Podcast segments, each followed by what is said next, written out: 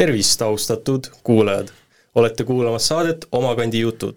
mina olen Kaur Saar ja täna kaassaatejuhiks on mul Saamul Aksel Maikalu, tere Saamul! tervist, tervist! ning külaliseks Kaitseliidu Jõgeva maleva pealik, kolonel leitnant Tõnis Metjer, tervist! tervist! kui eh, alustada, siis hakkaks sellega peale, et kas sa seletaksid kuulajatele, kes see malevapealik on ja mis asi see malev on? Malev on äh, Kaitseliidu allüksus. ehk äh, Kaitseliit hõlmab kogu Eesti territooriumit ja Kaitseliit jaotub siis malevateks ja malev reeglina äh, järgib nii-öelda regionaalselt vanasti olid maakonnad, maakonna piirjooni ja on nii-öelda territoriaalne üksus ja, ja Jõgeva maakonna territooriumil ongi siis Jõgeva Kaitseliidu malev. ja, ja Kaitseliit on iseenesest äh, sõjaväeline organisatsioon, meil on omad, äh, omad sõjaaja ülesanded ja omad äh, üksused, mis me peame ette valmistama, loomulikult on veel palju muid asju, nagu kaitsetahte kasvatamine ja ja läbi noorkotkaste ja kodutütarde tegevuse noorte isamaalisuse kasvatamisesse panustamise, aga, ja sellega see malev äh, tegelebki, ehk oma sõjaaja ülesannete ettevalmistamisega ja maleva pealik äh, peab siis kõike seda juhtima. Kas see sõjaline ülesanne, noh, sõja ajal siis, mis maleval on, see kuidagi eristub väga suurelt siis ajateenijatest või siis profiarmeest, et see on vist kõvasti lokaalsem, eks ole? jaa, see ongi põhiline erinevus, ehk äh, kui me räägime Kaitseväe üksustest üldiselt, siis äh, äh, neil ei ole oma nagu püsivat territooriumi, vaid nemad võivad liikuda ühest kohast teise, aga Kaitseliit üldjuhul ikkagi on territoriaalne, jääb oma kodukohta, mis iganes siis olukorras Kaitseliidu traditsioonid on ka päris pikad, et see ikkagi asutati esimese vabariigi ajal juba ja ja kuidas siis, kuidas siis on, kui võrrelda tänast Kaitseliitu tollasega, kumb äh, siis kõvem sõna on? no väga raske on võrrelda, et äh, isiklik kogemus selle esi-, eelmise Kaitseliiduga puudub, aga noh, selge on see, et äh, et täna, tänapäeva Kaitseliit, kui me võrdleme näiteks isikkoosseisu suurust, siis, siis tegelikult on väiksem, paraku. aga, aga samas tuleb ka aru saada sellest, et et tollel ajal võib-olla ei olnud inimestel nii palju võimalusi tegeleda noh, mingite hobidega või, või muu sellisega, ehk äh, Kaitseliit mõnes mõttes, kuna see on vabatahtlik organisatsioon, siis ta ikkagi, noh inimesel peab olema esiteks huvi selle, sellise asja vastu. ja, ja ta võistleb tegelikult nii-öelda selle äh, selle vaba aja kasutamisel äh, kõiki, kõige muuga, mis äh, inimesel on, hobid, perekond, äh, töö ja nii edasi, nii edasi, eks. et, et tollel ajal võib maapiirkonnas noh, peale pasunakoori ja priitahtlike pritsimeeste peale Kaitseliidu võib palju rohkem võimalusi ei olnudki.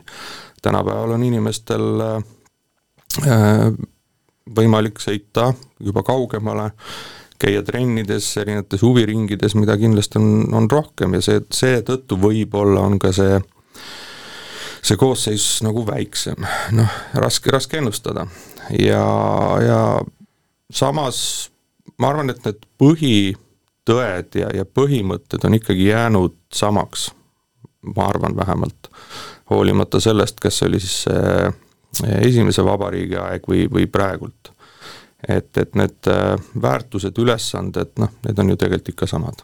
läbi ajaloo on äh, Põltsamaalt läbi käinud nii-öelda sõjateed ja on olnud üsna keskpunktis, kuna siit saab Tartusse ja Peipsi äärde ja nii edasi, et kuidas, milline on äh, praegusel ajal, kas Jõgeva maakond on suure strateegilise väärtusega ja mis juhtub selle piirkonnaga, kui nii-öelda sõda tuleb, kas me oleme kohe esirindel?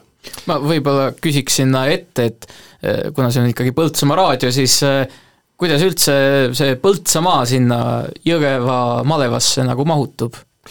Äh, väga hästi mahutub, ehk nagu ma ütlesin, Kaitseliit on territoriaalne, eks ole, siis, siis tegelikult ka Jõgeva malev äh, jaotub, äh, meil on küll neli allüksust, aga üks neist on eksterritoriaalne, aga kolm allüksust on, on samamoodi territoriaalsed. ehk äh, meil on äh, Kaitseliidu Jõgeva maleva Põltsamaa üksikkompanii, mis on siis üks Jõgeva maleva allüksustest, ja tema vastutusala tegelikult ongi Põltsamaa valla territoorium. nii et, et ta nagu haakub väga hästi kogu see Põltsamaa oma asukohaga äh, nii-öelda Jõgeva maleva koosseisu.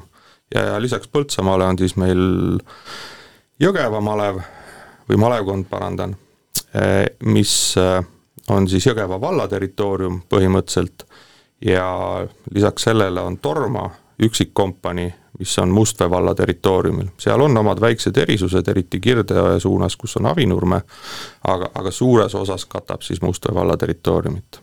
Et, et selles osas Põltsamaal on väga hästi, et et Põltsamaa üksikkompanii ongi Põltsamaa valla territooriumil. Kaur siis küsis ka, et kas meil siin Põltsamaa kandis on mingisugune strateegiline väärtus, et ma mõtlen midagi sellist, mida me peaks siis siin kaitsma ja, ja noh, teine pool sellest on siis see, et kas need inimesed, kes siin on, et kas nad peaks siis äh, mõnes kriisiolukorras, sõjas kartma, et meile pannakse siin eriline surve peale või? No mõnevõrra võib rahustada, aga et, et noh, me ei, kohe sõja esimesest päevast õnneks nii-öelda rindemaakonnaks ei satu, et, et suur Peipsi järv on ikkagi meie ja, ja meie agressiivse idanaabri vahel. kas sealt ei tule siis midagi üle või?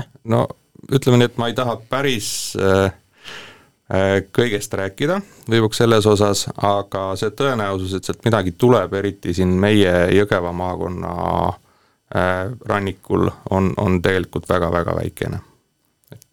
ja, ja seetõttu jah, et vähemalt esialgu, esialgu on, on tõenäoliselt, oleme nii-öelda tagaalal. aga samas tuleb arvestada, et ikkagi meie maakonda läbivad äh, kolm suurt äh, teed, nagu siis Tallinn-Tartu maantee, Piibe maantee ja ka Jõhvi-Tartu maantee, mis tegelikult äh, noh, põhimõtteliselt võib öelda, et äh, on, on kolm nii-öelda veresoont Põhja- ja Lõuna-Eesti vahel, mida, mida, mille, läbi mille toimub kogu liiklus siis Põhja- ja Lõuna-Eesti vahel. ja kui need näiteks läbi lõigata, siis äh, peab hakkama päris suure ringiga juba sõitma noh, Tallinnast või Tapalt näiteks Tartusse ja, ja need teed kindlasti muudavad meid äh, väga oluliseks, et noh, üks, üks asi on see, et need teed on need, mis lähevad ka Tallinna peale, mis äh, lõpuks on kindlasti vastase üks peamisi sihtmärke. ja, ja samas on need teed olulised hoida nii-öelda puhtad ja vabad, et meie oma üksused saaks seal liikuda et selles suhtes äh, oleme, oleme olulised küll. Ennist alguses sai mainitud äh, noorkotkaid ja kodutütreid, et äh, ma küsiks, kui palju seda, kui palju on seda sõjalist poolt ja kui palju on neid rolle, mida saab ka täita ilma mm, sõjalise ülesandeta Kaitseliidus? kaitseliidus tegelikult noh, Kaitseliidu omapära ongi see, et siin on neid erinevaid rolle, mida saab täita väga palju. ehk äh, tegelikult äh, noh, mina olen öelnud, et äh, nii, niikaua kui inimene jõuab ikkagi kodunt välja tulla, noh, me ei räägi pigem noortest, vaid just näiteks eakamatest inimestest, ehk niikaua, kui ta jõuab oma kodunt välja tulla ja iseseisvalt poes käia, siis ta suudab Eesti riigile kasulik olla, ka sõja ajal. et äh, lisaks sõjalistele üksustele on, on Kaitseliidus arendava, arendamisel erinevad nii-öelda võrgustikud, noh näiteks logistikavõrgustik, ehk noh, kõik ei pea äh, rindel äh, relv käes, kaevikus või varitsuses olema, vaid piisab ka sellest, kui, kui keegi näiteks meie tagala, tagalas aitab laskemoona vastu võtta, jaotada seda laiali äh, pakendada, et saata seda edasi nii-öelda oma allüksustele, piisab sellest, kui inimene suudab näiteks eh, noh, kuskil ahju kütta, eh, kuskil, kus meie sõdurid puhkavad, või veel parem, süüa teha. et, et need kõik on, on, on vajalikud tegevused selleks, et need, kes peavad äh, võitlema, äh, saaksid võidelda ja peaks tegelema siis äh, teiste asjadega, mis nende aja nii-öelda ära söövad. ja noh, noortega on nüüd natuke teine asi, et noorte ettevalmistusel mina isiklikult igal juhul pooldan ja, ja me võimaldame neil ka äh, nii-öelda nagu sõjaliste tegevustega tegeleda, noh näiteks laskmas käia, eks ole sest äh, tahes-tahtmatult no neile noortele, kes on, on valinud omale siis noorkotka või kodutütre organisatsiooni, millega liituda, neile pakub see huvi. ja, ja kui me seda ei, neile ei võimalda, siis tegelikult see huvi nagu kaob natukene ja, ja see, ei teki seda integratsiooni Kaitseliidu või seda seost Kaitseliiduga. aga vot sõja ajal me neid kahjuks ikkagi kasutada ei saa, et äh, noh, kombatandi staatus ja, ja, ja see lapssõdurite teema on üpriski hell ja, ja, ja selleks, et nii-öelda sõjaväelist ülesannet täita, peaks olema kaheksateist aastat ikkagi. nii et see on pigem niisugune eeltöö? jah, see on pigem eeltöö, täpselt. aga Kaitseliidu alla kuulub ka Naiskodukaitse, et kas siis ongi nii, et kõik mehed lähevad siis nagu nii-öelda mingisugusesse üldisse Kaitseliitu, naised lähevad Naiskodukaitsesse, ma tean, et mõned naised ei taha just minna naiskodukaitsesse, vaid tahavad siis rohkem seal relvadega paugutada ja niimoodi. ja see on jälle selline natukene keeruline teema võib-olla, aga Naiskodukaitsel on tegelikult see eelis, et äh, nemad võivad äh, panustada või valida äh, siis oma organisatsioonis selle nii-öelda sõjaaja ametikoha sisuliselt ükskõik kus. Ehk meil on väga mitmed tublid naised, kes ongi meie lahingukompaniis sõdurid, relv käes, käivad koos meestega metsas, laiguline vorm seljas ja, ja, ja peavad kaevikutes kaitselahinguid ja teevad kõike muud kaasa.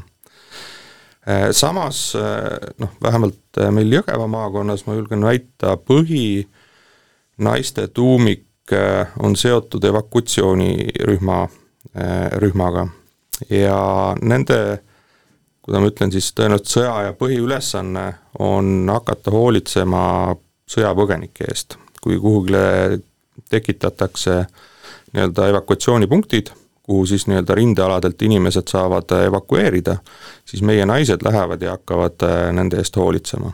ehk see on nagu võib-olla üks selline levinumaid äh, väljundeid, aga, aga loomulikult täpselt samamoodi naised saavad panustada ka äh, logistikavõrgustikus, vaatlusvõrgustikus ja nii edasi ja nii edasi. ehk neil on kõik uksed ja kõik võimalused valla. kas saab öelda, et Kaitseliit on üks äh, Kaitseväe kiirematest nii-öelda reageerimisüksustest, äh, näiteks Kaudspataljoni taga või, või pigem mitte? nii ja naa. et konkreetsetest tundidest me selgelt rääkida ei saa aga kindel on see, et äh, Kaitseliit äh, reageerib väga kiiresti ja, ja tegelikult seda oleme nii-öelda äh, harjutanud ka, seesama lisaõppekogunemine, mis nüüd septembris oli, oli, oli tegelikult päris heaks näiteks. ja, ja mis selle kiiruse tegelikult just annab, ongi see, et kaitseliitlastel on ju varustus ja kellel võimalik, siis ka relv kodus. ja selle üksuse nii-öelda formeerimiseks tegelikult äh, kulub väga vähe aega. ja samuti, kui need kaitseliitlased on käinud äh, väljaõppel varasemalt, äh, nii nagu kohustus ette näeb, siis ei ole neile vaja viia ka läbi täiendväljaõpet, ei ole vaja hakata relvi sisse laskma ja nii edasi ja nii edasi, ehk tegelikult nii kui mehed kokku tulevad, on see üksus valmis sõtta minema. nüüd äh, noh, selge on see, et äh, ega, ega noh, mõnel inimesel võtab see kohaletulek natukene rohkem aega, et äh, paraku ka Jõgeva kaitseliidus on inimesi näiteks, kes töötavad Soomes, aga see üksuse põhituumik äh, on ikkagi üpris ruttu valmis, nii et tegelikult äh, ma, ma täiesti nõustun nagu selle väitega, et, et sisuliselt äh, Scouts-pataljoni järel on Kaitseliit nii-öelda järgmine oma reageerimiskiiruse poolest või vähemalt valmisoleku poolest. et kaitseliitlane saab relva omale koju võtta, mis seal parameetrid on, kas ma saan ka tankitõrjerelva võtta või või mis need on? tankitõrjerelva ikkagi koju võtta ei saa, et koju saab omale kas siis nii-öelda vintpüssi või automaadi, täpsuspüssi või tegelikult on võimalik koju saada ka kuulipildujat aga noh, see eeldab ka ikkagi teatud protseduure, esiteks, et see relvaõpe on kindlasti läbitud, äh, on tehtud relvaeksam, äh, nii kirjalik kui siis äh, praktiline, ehk me teame, et inimene teab nii-öelda reegleid, mis relva koju saamisega kaasnevad, ta oskab seda relva ohutult käsitseda ja siis me igal juhul propageerime et inimesed omale need relvad koju võtaks, anname isegi relvakapi kaasa, kui on vaja, nii et äh, sest see ju tõstab tegelikult äh, meie kõigi valmisolekut, mida rohkem me oleme hajutatud, äh, seda vähem tõenäoline, et isegi kui praegu, eks ole, Ukrainas käivad ka raketirünnakud, hea küll, energiataristu pihta, selge on see, et kui sõda hakkaks Eesti vastu, siis samamoodi toimuksid raketirünnakud ja sihtmärgiks eelkõige, vähemalt esmajärjekorras, oleksid äh, meie relva- ja laskemoonalaod. ehk mida rohkem on relvi inimestel käes, seda väiksem on tõenäosus, et need pihta saavad või vähemalt seda vähem asju seal sees on. enne käis ka läbi lahing, lahingkompanii ja maakaitse, mis nende erinevused on? või rollid? jaa, et äh, lahingkompanii peab olema tegelikult ka samuti valmis äh, minema väljaspoole maakonda.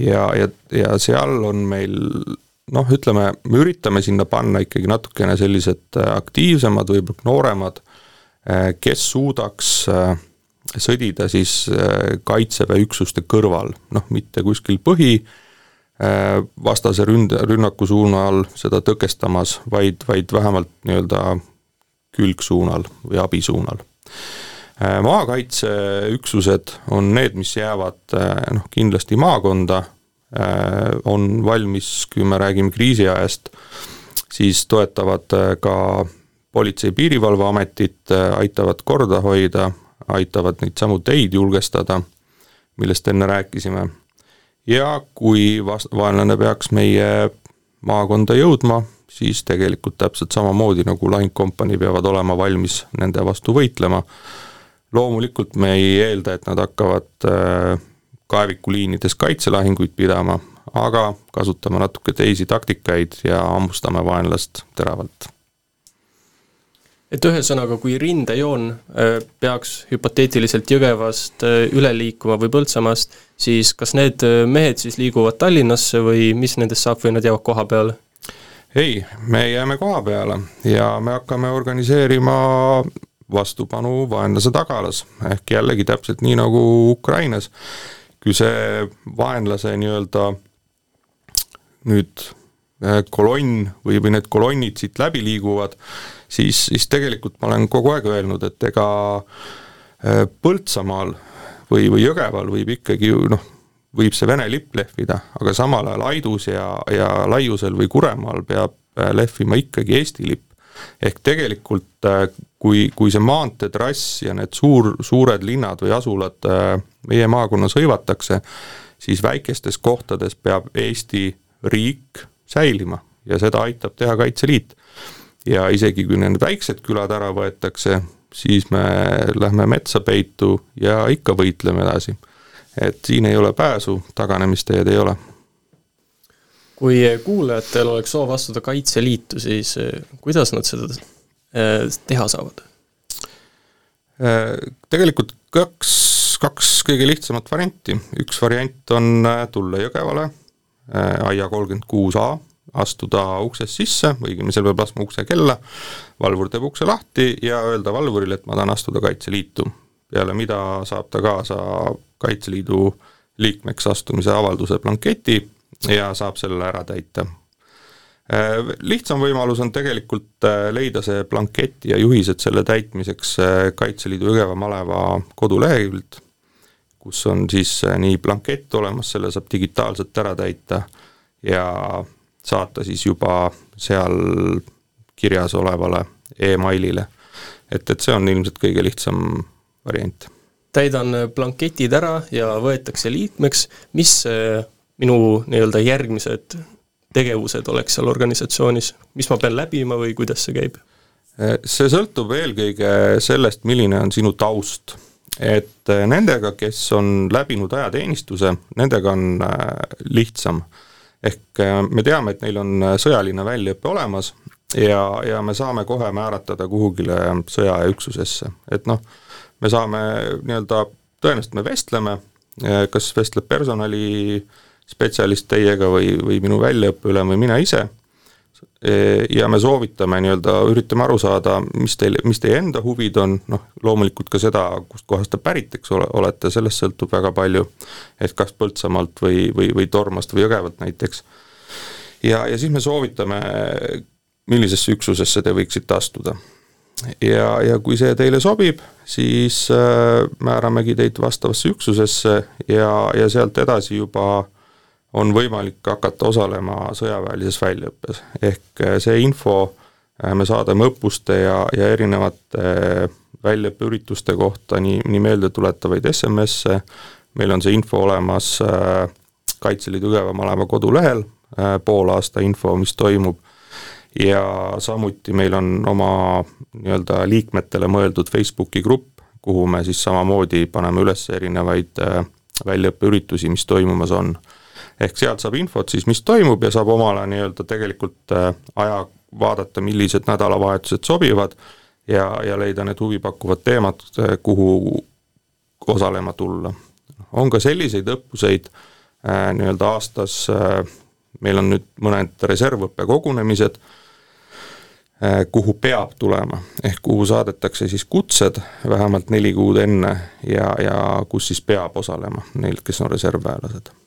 Nüüd, äh, kui inimesel puudub igasugune sõjaväeline taust, siis ta on ikkagi oodatud Kaitseliitu, äh, noh, nüüd ongi, kui ta tuleb Kaitseliitu, siis tegelikult on esmane valik see, et kas ta tahab panustada nii-öelda sõjaaja või lahingüksusesse, olgem täpsed, ja just nii-öelda relv käes kodumaad kaitsta või ta on nõus panustama äh, pigem siis nii-öelda toetavate tegevustega, ehk jälle see logistikavõrgustik või vaatlusvõrgustik.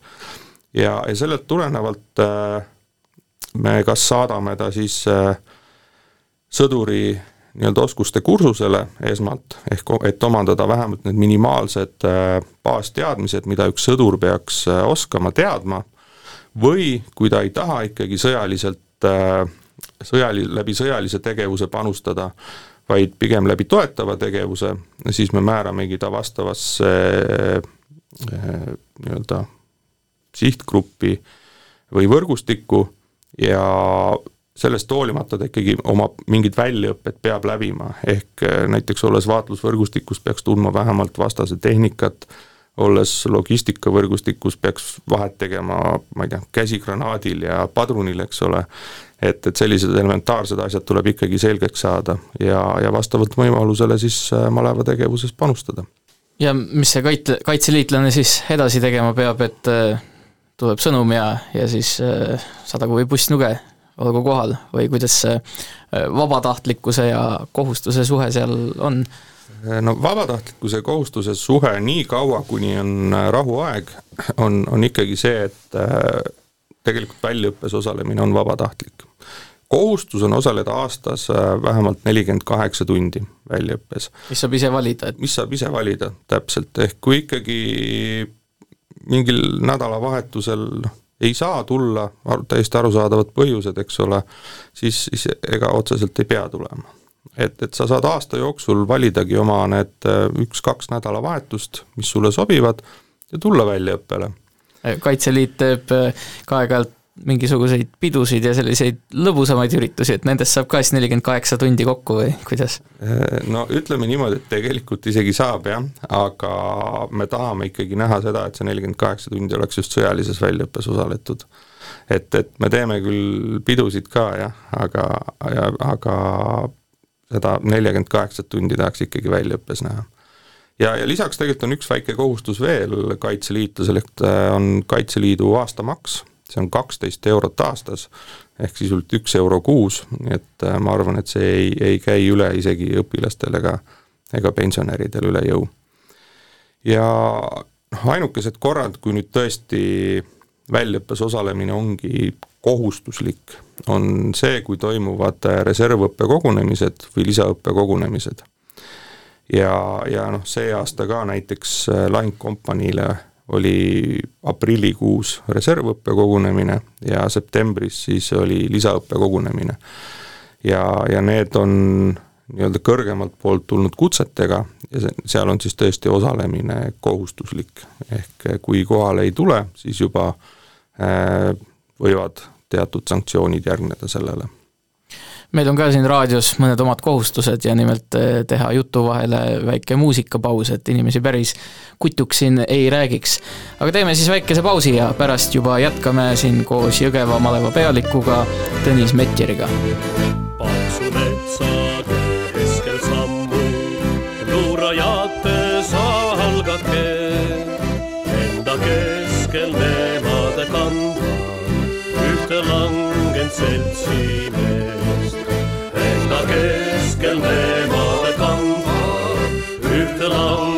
Langenud seltsi veel. metskoha pilved jooksvad ruttu, kaugelt kuulda lahingu. oh ütle, kelle peale mõtled, oh ütle sõdur sa. oh ütle, kelle peale mõtled, oh ütle sõdur sa.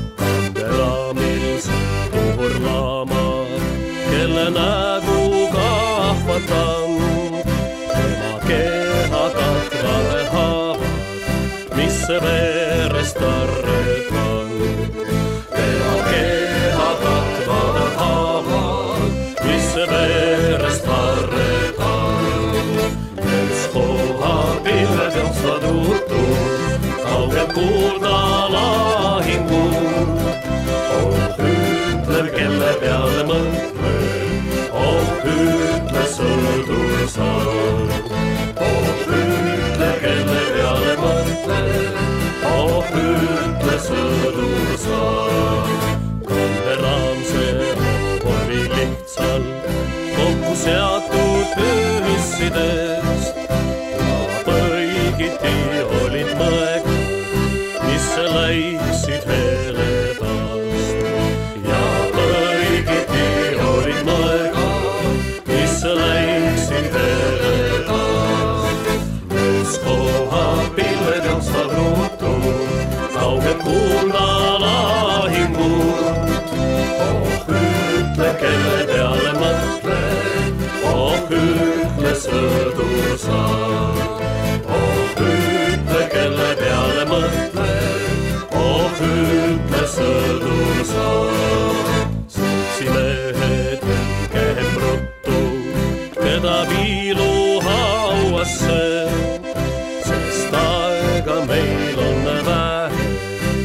Meid võitlus ootab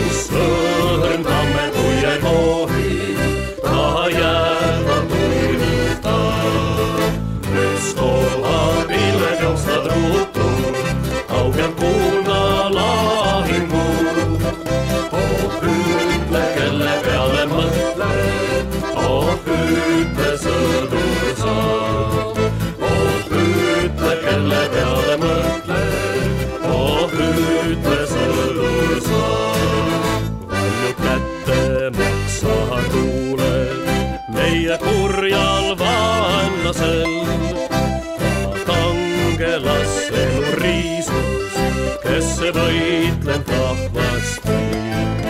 ta kangelastel riisus, kes võitleb rahvast.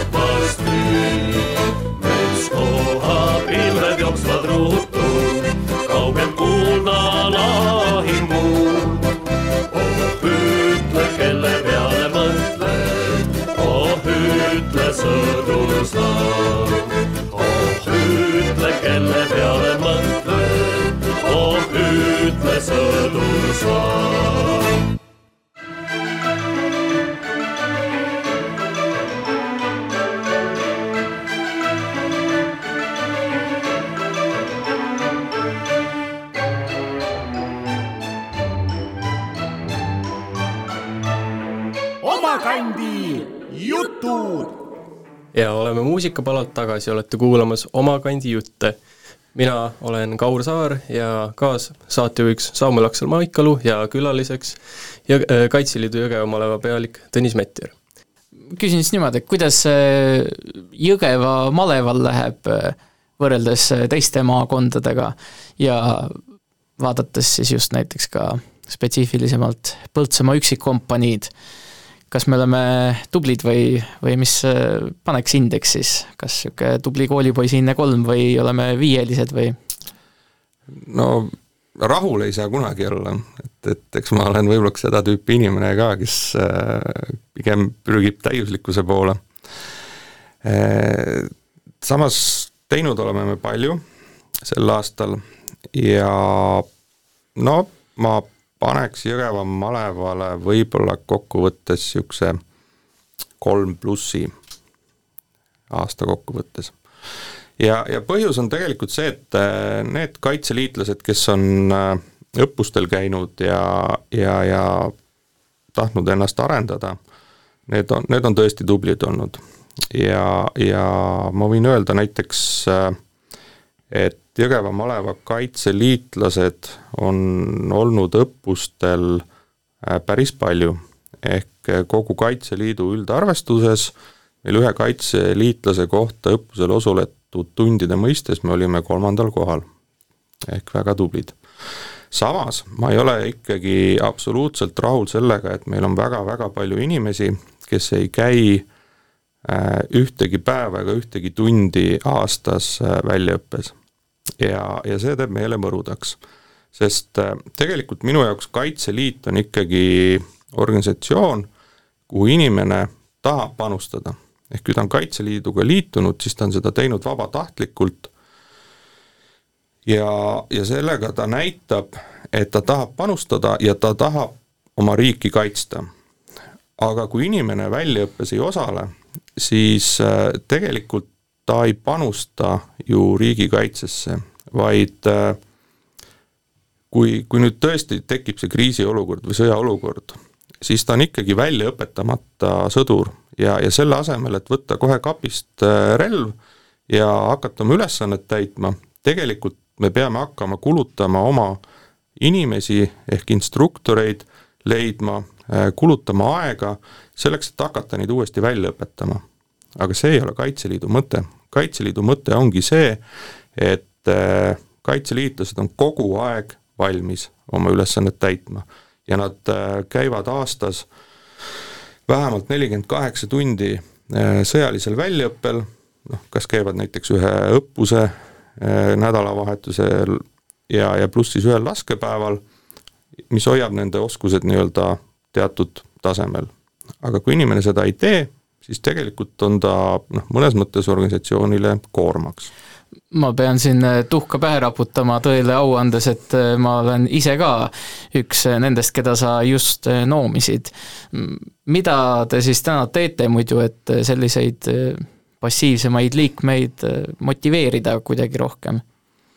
on mingi selline suur strateegia või arengukava või ma ei tea, kuidas iganes teie oma organisatsioonis tegelikult suurt strateegiat või arengukava kui sellist äh, otseselt ei ole, ehk äh, põhiline, põhiline nii-öelda strateegia on see, et me ikkagi kõigepealt räägime inimesega ja ja üritame nagu aru saada noh, sellest põhjusest, miks see nii on läinud, noh arusaadav, et inimesel on teatud eluperioodis võib-olla vähe aega, noh kas on väiksed lapsed sündinud, võib-olla on inimene koolis kusagil, ei ole õpingute kõrvalt aega käia, ja me üritame aru saada, et noh, kas temas on nagu potentsiaali ikkagi tulevikus äh, nii-öelda aktiivsemaks muutuda või mitte. ja, ja sealt edasi tegelikult äh, noh, ma ütlen ausalt, ongi kaks võimalust, eks ole, et kas me nii-öelda jääme ootele, loodame, et inimene ehk ikkagi äh, muutub aktiivsemaks, sealhulgas on näiteks võimalik äh, taotleda või küsida nii-öelda aastast äh, pausi Kaitseliidust, ehk tema kohustused äh, lõpevad selleks aastaks või aasta, aasta, aastaseks perioodiks ja, ja noh, ta saab näiteks oma õpingud ära lõpetada, eks ole, meie ei tüüta teda ja tema ei ole ka millekski kohustatud. või kui me näeme, et tõesti inimesel enam noh, potentsiaali ei ole, kas võib-olla on tervis juba nii kehva, võib-olla on äh, välismaale üldse elama või, või tööle läinud siis, siis tegelikult kõige mõistlikum on, olgem ausad, ikkagi Kaitseliidust äh, välja astuda. et, et ei ole mõtet äh, olla Kaitseliidus lihtsalt sellepärast, et noh, tore on olla, kanda nime kaitseliitlane või, või kuskil saunas sõpradega rääkida, et oh, ma olen kaitseliitlane, ei, seda ei ole, sellel ei ole mõtet. ja edasi minnes, äh, selle aasta veebruaris eskaleeris siis Venemaa sõda Ukrainas ja alustas siis äh, laialdast äh, sõjategevust. mis on olnud need äh, mõjutused siis Kaitseliidule tulenevalt sellest sõjast seal? jah, nii on, et äh, täiesti uskumatu sündmus äh,, keset Euroopat äh, täiemahuline ja, ja suur ränk sõjategevus on käimas, üle kolmesaja päeva juba ukrainlased kaitsevad oma kodumaad Äh, no Kaitseliidule ma ütleks, on, on kaks asja, mis mulle esma, esmajoones kohe pähe hüppavad. esiteks on, on nii-öelda need esmased õpituvastused, et äh, tegelikult me oleme teinud kogu aeg õiget asja. ja, ja see suund, mis on olnud äh, mitte ainult Kaitseliidul, vaid ka Eesti Kaitseväel äh,, nii, nii neid taktikaid äh, valides kui erinevat relvastust hankides, on olnud õiged. ehk tegelikult me oleme teinud äh, juba täna võib-olla natuke rohkem ära, kui, kui ukrainlased äh, valmis olid. mis nagu Kaitseliitu nüüd natuke rohkem puudutab, on see, et tegelikult on ütleme, hüppeliselt kasvanud Kaitseliiduga liitujate arv. ehk kui me võrdleme näiteks varasemate aastatega, kui Kaitseliidu näiteks Jõgeva malevaga äh, liitus ütleme niisugune kümme-viisteist inimest aastas, mis oli, mis oli normaalne, siis selle aastaga on äh, uusi liikmeid üle seitsmekümne. ehk ikkagi väikese maakonna kohta täiesti arvestatav number ja, ja noh, see on loomulikult seadnud meile ka äh, rohkem ülesandeid, ehk täpselt me kuna väga paljud neist ei ole äh, varem ajateenistust läbinud, siis me oleme pidanud täiendavat äh, väljaõpet läbi viima. Ja, ja, ja see, see on olnud selline hea aasta selles suhtes, meie jaoks, aga, aga noh, loomulikult see, et kusagil sõda käib ja, ja sajad inimesed surevad, siis see on kurb see, ma olen rääkinud siin mitmete inimestega, kes no alguses kõik jälgisid ju sõjauudiseid ja neid treiti ka, aga nüüd inimesed hakkavad juba tükk aega ütlevad, et noh, ei viitsi enam vaata jälgida, ei viitsi isegi kokkuvõtteid lugeda, et kas siis see oli Kaitseliidus ka umbes niimoodi, et korraks oli mot-, suur motivatsioonitõus ja kas see nüüd hakkab vaibuma, on ta juba vaibunud või, või arvad, et tulevikus see kaob ära, et oli niisugune hetke emotsioon selle sõja pealt lihtsalt? Äh, raske ennustada, et praegult ikkagi veel selliseid üksi, üksikuid liitujaid äh, tilgub juurde, ütleme nii, et loomulikult see, see, see põhimass äh, siin nii-öelda märts-aprill-mai jooksul võib öelda, oli, oli, mis saabus. aga, aga ikkagi noh, mõned, mõned inimesed liituvad ka praegult veel, et kas, kas just nii-öelda sõjast ajendatuna äh, või, või mingil muul põhjusel, noh, seda ei oska täpselt öelda, aga, aga kindlasti pani see sõda mõtlema inimesi, et eh, noh, kes, kes siis meie kodumaad veel kaitseb, kui me ise ei kaitse. ja kui ma ei ole saanud mitte mingisugust sõjalist väljaõpet, kuidas ma siis selleks kodu kaitsmiseks eh, valmis olen? tegelikult ei ole.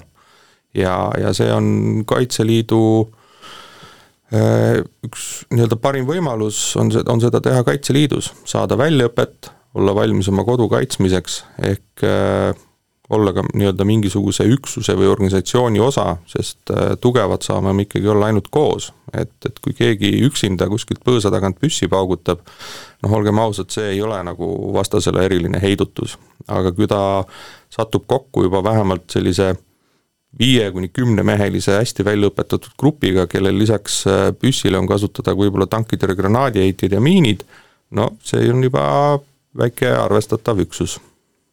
Kui palju maailmas üldse Kaitseliidu sarnaseid organisatsioone on, et Poola siin äh, umbes kuus aastat tagasi lõi ka äh, sarnase organisatsiooni, et palju? ma, tegelikult jään vastuse võlgu, et äh, neid ikka on, et, et näiteks noh, nad on nagu Kaitseliidus sarnased, aga nad ei ole ka päris Kaitseliit. Äh, noh, kindlasti väga tuntud on Ameerikas on rahvuskaart. Äh, Taanis on kindlasti olemas midagi Kaitseliidu sarnast, äh, peaks olema ka Rootsis. aga kas Läit... ameeriklastel on see rahvuskaart, on siis selline Kaitseliidu ekvivalent, sest neil on hästi palju selliseid äh, isehakanud väikseid aga hästi organiseeritud selliseid üksusi ka, nagu inglise keeles militiad öeldakse, äkki on see midagi hoopis Kaitseliidu moodi rohkem või? no need militiad vist, neid ei saa ikkagi arvestada nagu päris võib-olla sõjalise jõuna, et nad äh, noh, võib-olla on need militsad, nad ei ole ka ametlikud, eks ole, et nad on pigem sellised ise organiseerunud, kui on kogukonnapõhised äh, oma kodukandi kaitseks äh, tekkinud üksused, mis tegelikult on ka jah, Kaitseliidu analoog. Aga, aga noh, selles suhtes, et nagu vabatahtlikuna või reservväelasena panustada riigikaitsesse on ikkagi nii-öelda ametlik väljund, on selle jaoks rahvuskaart noh, kellel ei ole jälle sellist organisatsiooni, on soomlased, kes tegelikult ise nii palju, kui ma olen soomlastega suhelnud olen, noh paljud nendest ütlevad, et võiks olla. ja, ja tegelikult olgem ausad, ka Ukraina äh, lõi siis tegelikult sellise Kaitseliidu sarnase organisatsiooni äh, alles vahetult enne sõda. ja, ja, ja tegelikult äh, on needsamad Kaitseliidu üksused äh, Äh, nii-öelda regulaararmee kõrval olnud, mänginud väga olulist rolli kogu selle Vene invasiooni peatamisel. kusjuures see on väga huvitav, et siis, kui see sõda algas, siis äh, väga paljud inimesed no üldse arvasid, et sõda ei alga ja siis veel noh, väljendatakse sellist mingisugust hinnangut või või noh, tõenäoliselt see tuleb siis pikast, pikaaegsest rahust, turvatundest, et selline asi, näed, uskumatu, et selline asi on Euroopas üldse võimalik, no tegelikult kui me selle peale mõtleme, siis pigem kuidagi ebaloomulik või ebanormaalne või selline ime on just see, et rahu on, on nii pikalt püsinud, et see, selline asi üldse võimalik on, siis on ju Kaitseliit ka kuidagi keerulises rollis, et noh, nagu see Ukraina sõda algas, siis neid liikmeid tuli, aga muidu see hakkas juba kuidagi niimoodi kõlama, et müüte justkui mingisugust abstraktset ideed või midagi, et näed, äkki tuleb sõda, siis igaks juhuks, igaks juhuks tulge. et noh, kui Ukraina sõda saab läbi, siis me oleme ju varsti samas kohas tagasi sisuliselt no kas just varsti tagasi, aga olgem ausad, mõtleme natukene ajas tagasi, see ei olnud ju teps mitte ammu, kui Eesti ühiskonnas äh, täiesti avalikult ja, ja, ja äh, räägiti puhtalt palgaarmeele üleminekust, eks ole. et, et see, see ei olnud üldse ammu ja, ja inimesed arvasidki, et meil tõepoolest ei ole vähemalt osad inimesed arvasid, et meil ei olegi rohkem vaja kui, kui väikest palgaarmeed, kes käib missioonidel, hoiab lippu ja, ja sellest piisab. no õnneks või siis see jutt, et et näed, et tänapäeval ei sõdita niikuinii kaevikus ja püssiga, et kõik käib kuskil arvuti taga, eks? no just, et, et kahjuks sellist riiki või sellist juttu räägivad tegelikult inimesed, kellel endal reeglina kokkupuude eh, sõjaväega eh, puudub ja, ja neil tegelikult ka arusaam suuresti sõjast äh, puudub. et, et tegelikult äh, noh, see, et ikkagi sõduri saabas on see, mis kontrollib maad ja, ja määrab ära lõpuks nii-öelda sõjavõidu, noh see, selle, seda pole nagu sõjaväelased kunagi eitanud, et või et kuidagi teistmoodi saaks olla. ja, ja ma hästi ei usu, et äh, nüüd lähiajal unustatakse ära see, et, et sõjaväge on vaja või et sõda üldse Euroopas ei, ei saa toimuma. et, et olgem ausad, niikaua kui meil on selline idanaaber, kes, äh, kes on ähvardav, kes tegelikult äh, noh, iga, iga mingi aja tagant tal on olnud ju mingi sõjaline konflikt, ta on äh, alustame üheksakümnendatel Tšetšeenia sõdadest, Gruusia ründamine kaks tuhat kaheksa ja, ja ka tegelikult sõda Ukrainas algus ju juba aastal kaks tuhat neliteist, et, et kahjuks jah, võib-olla Lääne-Euroopal on olnud raske aru saada, et, et kuidas selline asi on võimalik ja seal juba unustati isegi ära, et Ukrainas sõda käib, siis äh, noh, mul on selles suhtes au olla eestlane ja, ja ma tunnen uhkust, et ma olen eestlane, vaadates, kuidas äh, Eesti, Eesti valitsus ja, ja eestlased üldse toetavad Ukrainat. et äh, see esi-, noh, nii poliitilisel tasandil selgeks tegemine Lääne-Euroopas, et, et Äh, see sõda on vaja võita, sest ilma võiduta tegelikult äh, me lükkame ainult äh, seda sõda edasi.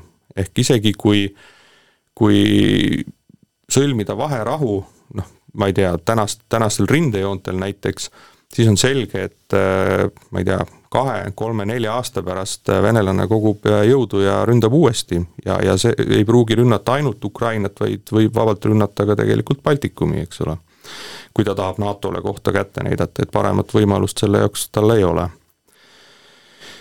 ja ja samas äh, ka Eesti vabatahtlikud, kes kõik saadavad Ukrainasse erinevat abi, alates autodest, äh, lõpetades sellega, et ostetakse kokku meditsiinivahendeid, magamiskotte, et, et äh, noh, see näitab seda, et Eesti inimene saab üldjuhul aru, mis seal toimub ja, ja mis võib juhtuda, kui see asi ei lõpe Ukraina võiduga. mis sa arvad, kas see kultuur, selline, nagu ta meil täna on, kas ta pigem siis soosib äh, või, või siis ei soosi seda äh, noh, Kaitseliitu astumist ja kaitsetahet üldisemalt, et ma mõtlen just, et kas me oleme võib-olla noh, ma ei tea, liiga lodevad, sellise mugavustega harjunud, kas me oleme üldiselt liiga enesekesksed, võtame mingisugust sellist äh, lääne materialistlikku väärtust äh, järjest rohkem üle, et äh, isamaalisus on justkui midagi kõrgemat, sellist abstraktsemat isegi. Ma, ma arvan, et meil on olukord tegelikult üpris hea ja ja, ja mis on nagu noh, minu arvates eestlasele omane, on see, et eestlane tegelikult äh, nii-öelda ühendab jõud äh, just kriisiolukorras. et äh, senikaua, kuni on, on ilus rahuaeg, siis äh, eestlase nii-öelda, eestlane närib ikka teise eestlase kallal.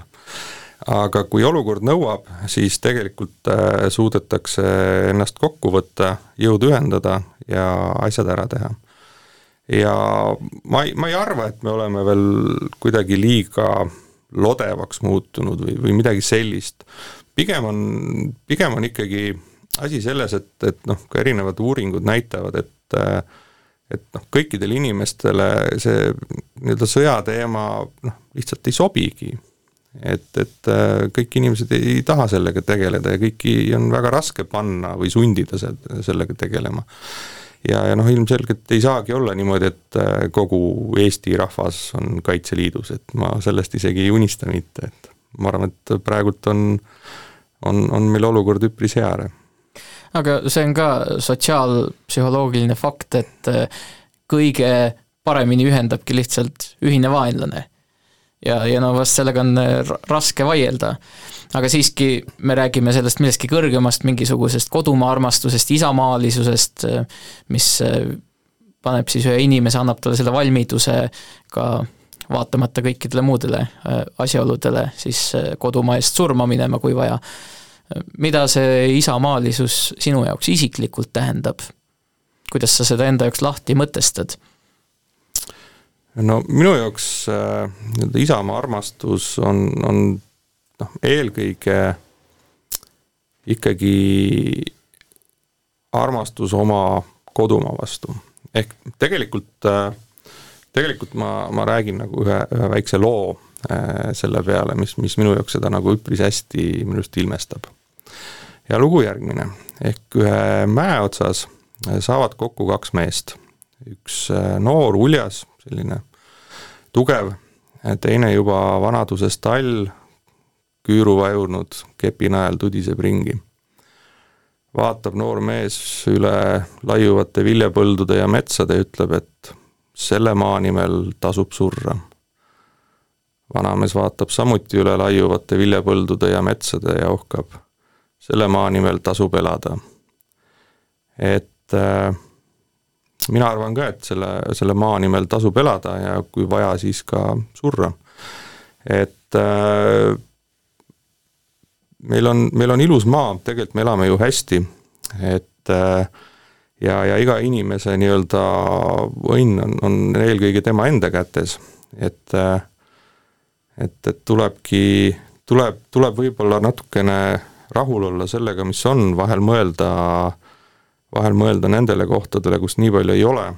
et, et äh, ma nii-öelda õnneks olen saanud natukene ringi ka käia ja, ja selge on see, et tegelikult pudrumägesid ei ole mitte kusagil.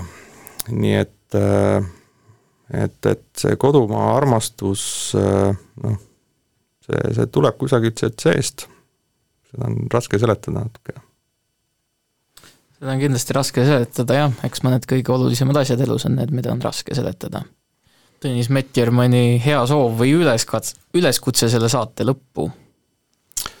no loomulikult äh, tulge Kaitseliitu, et ega siin muud võimalust ei ole, et äh, keegi teine Eesti riiki ei kaitse kui meie ise, see on selge.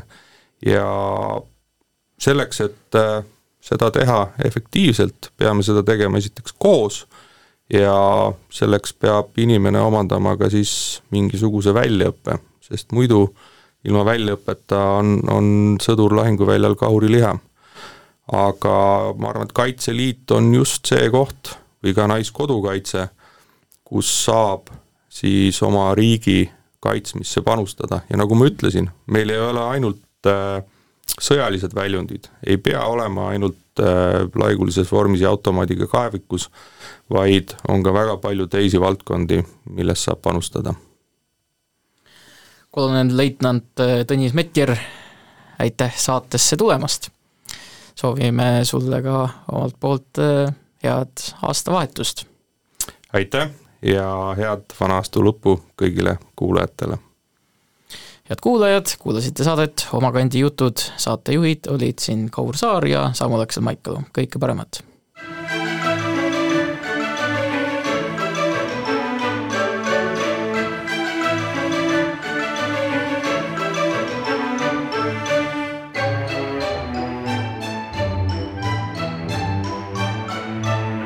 Oma kandi jutud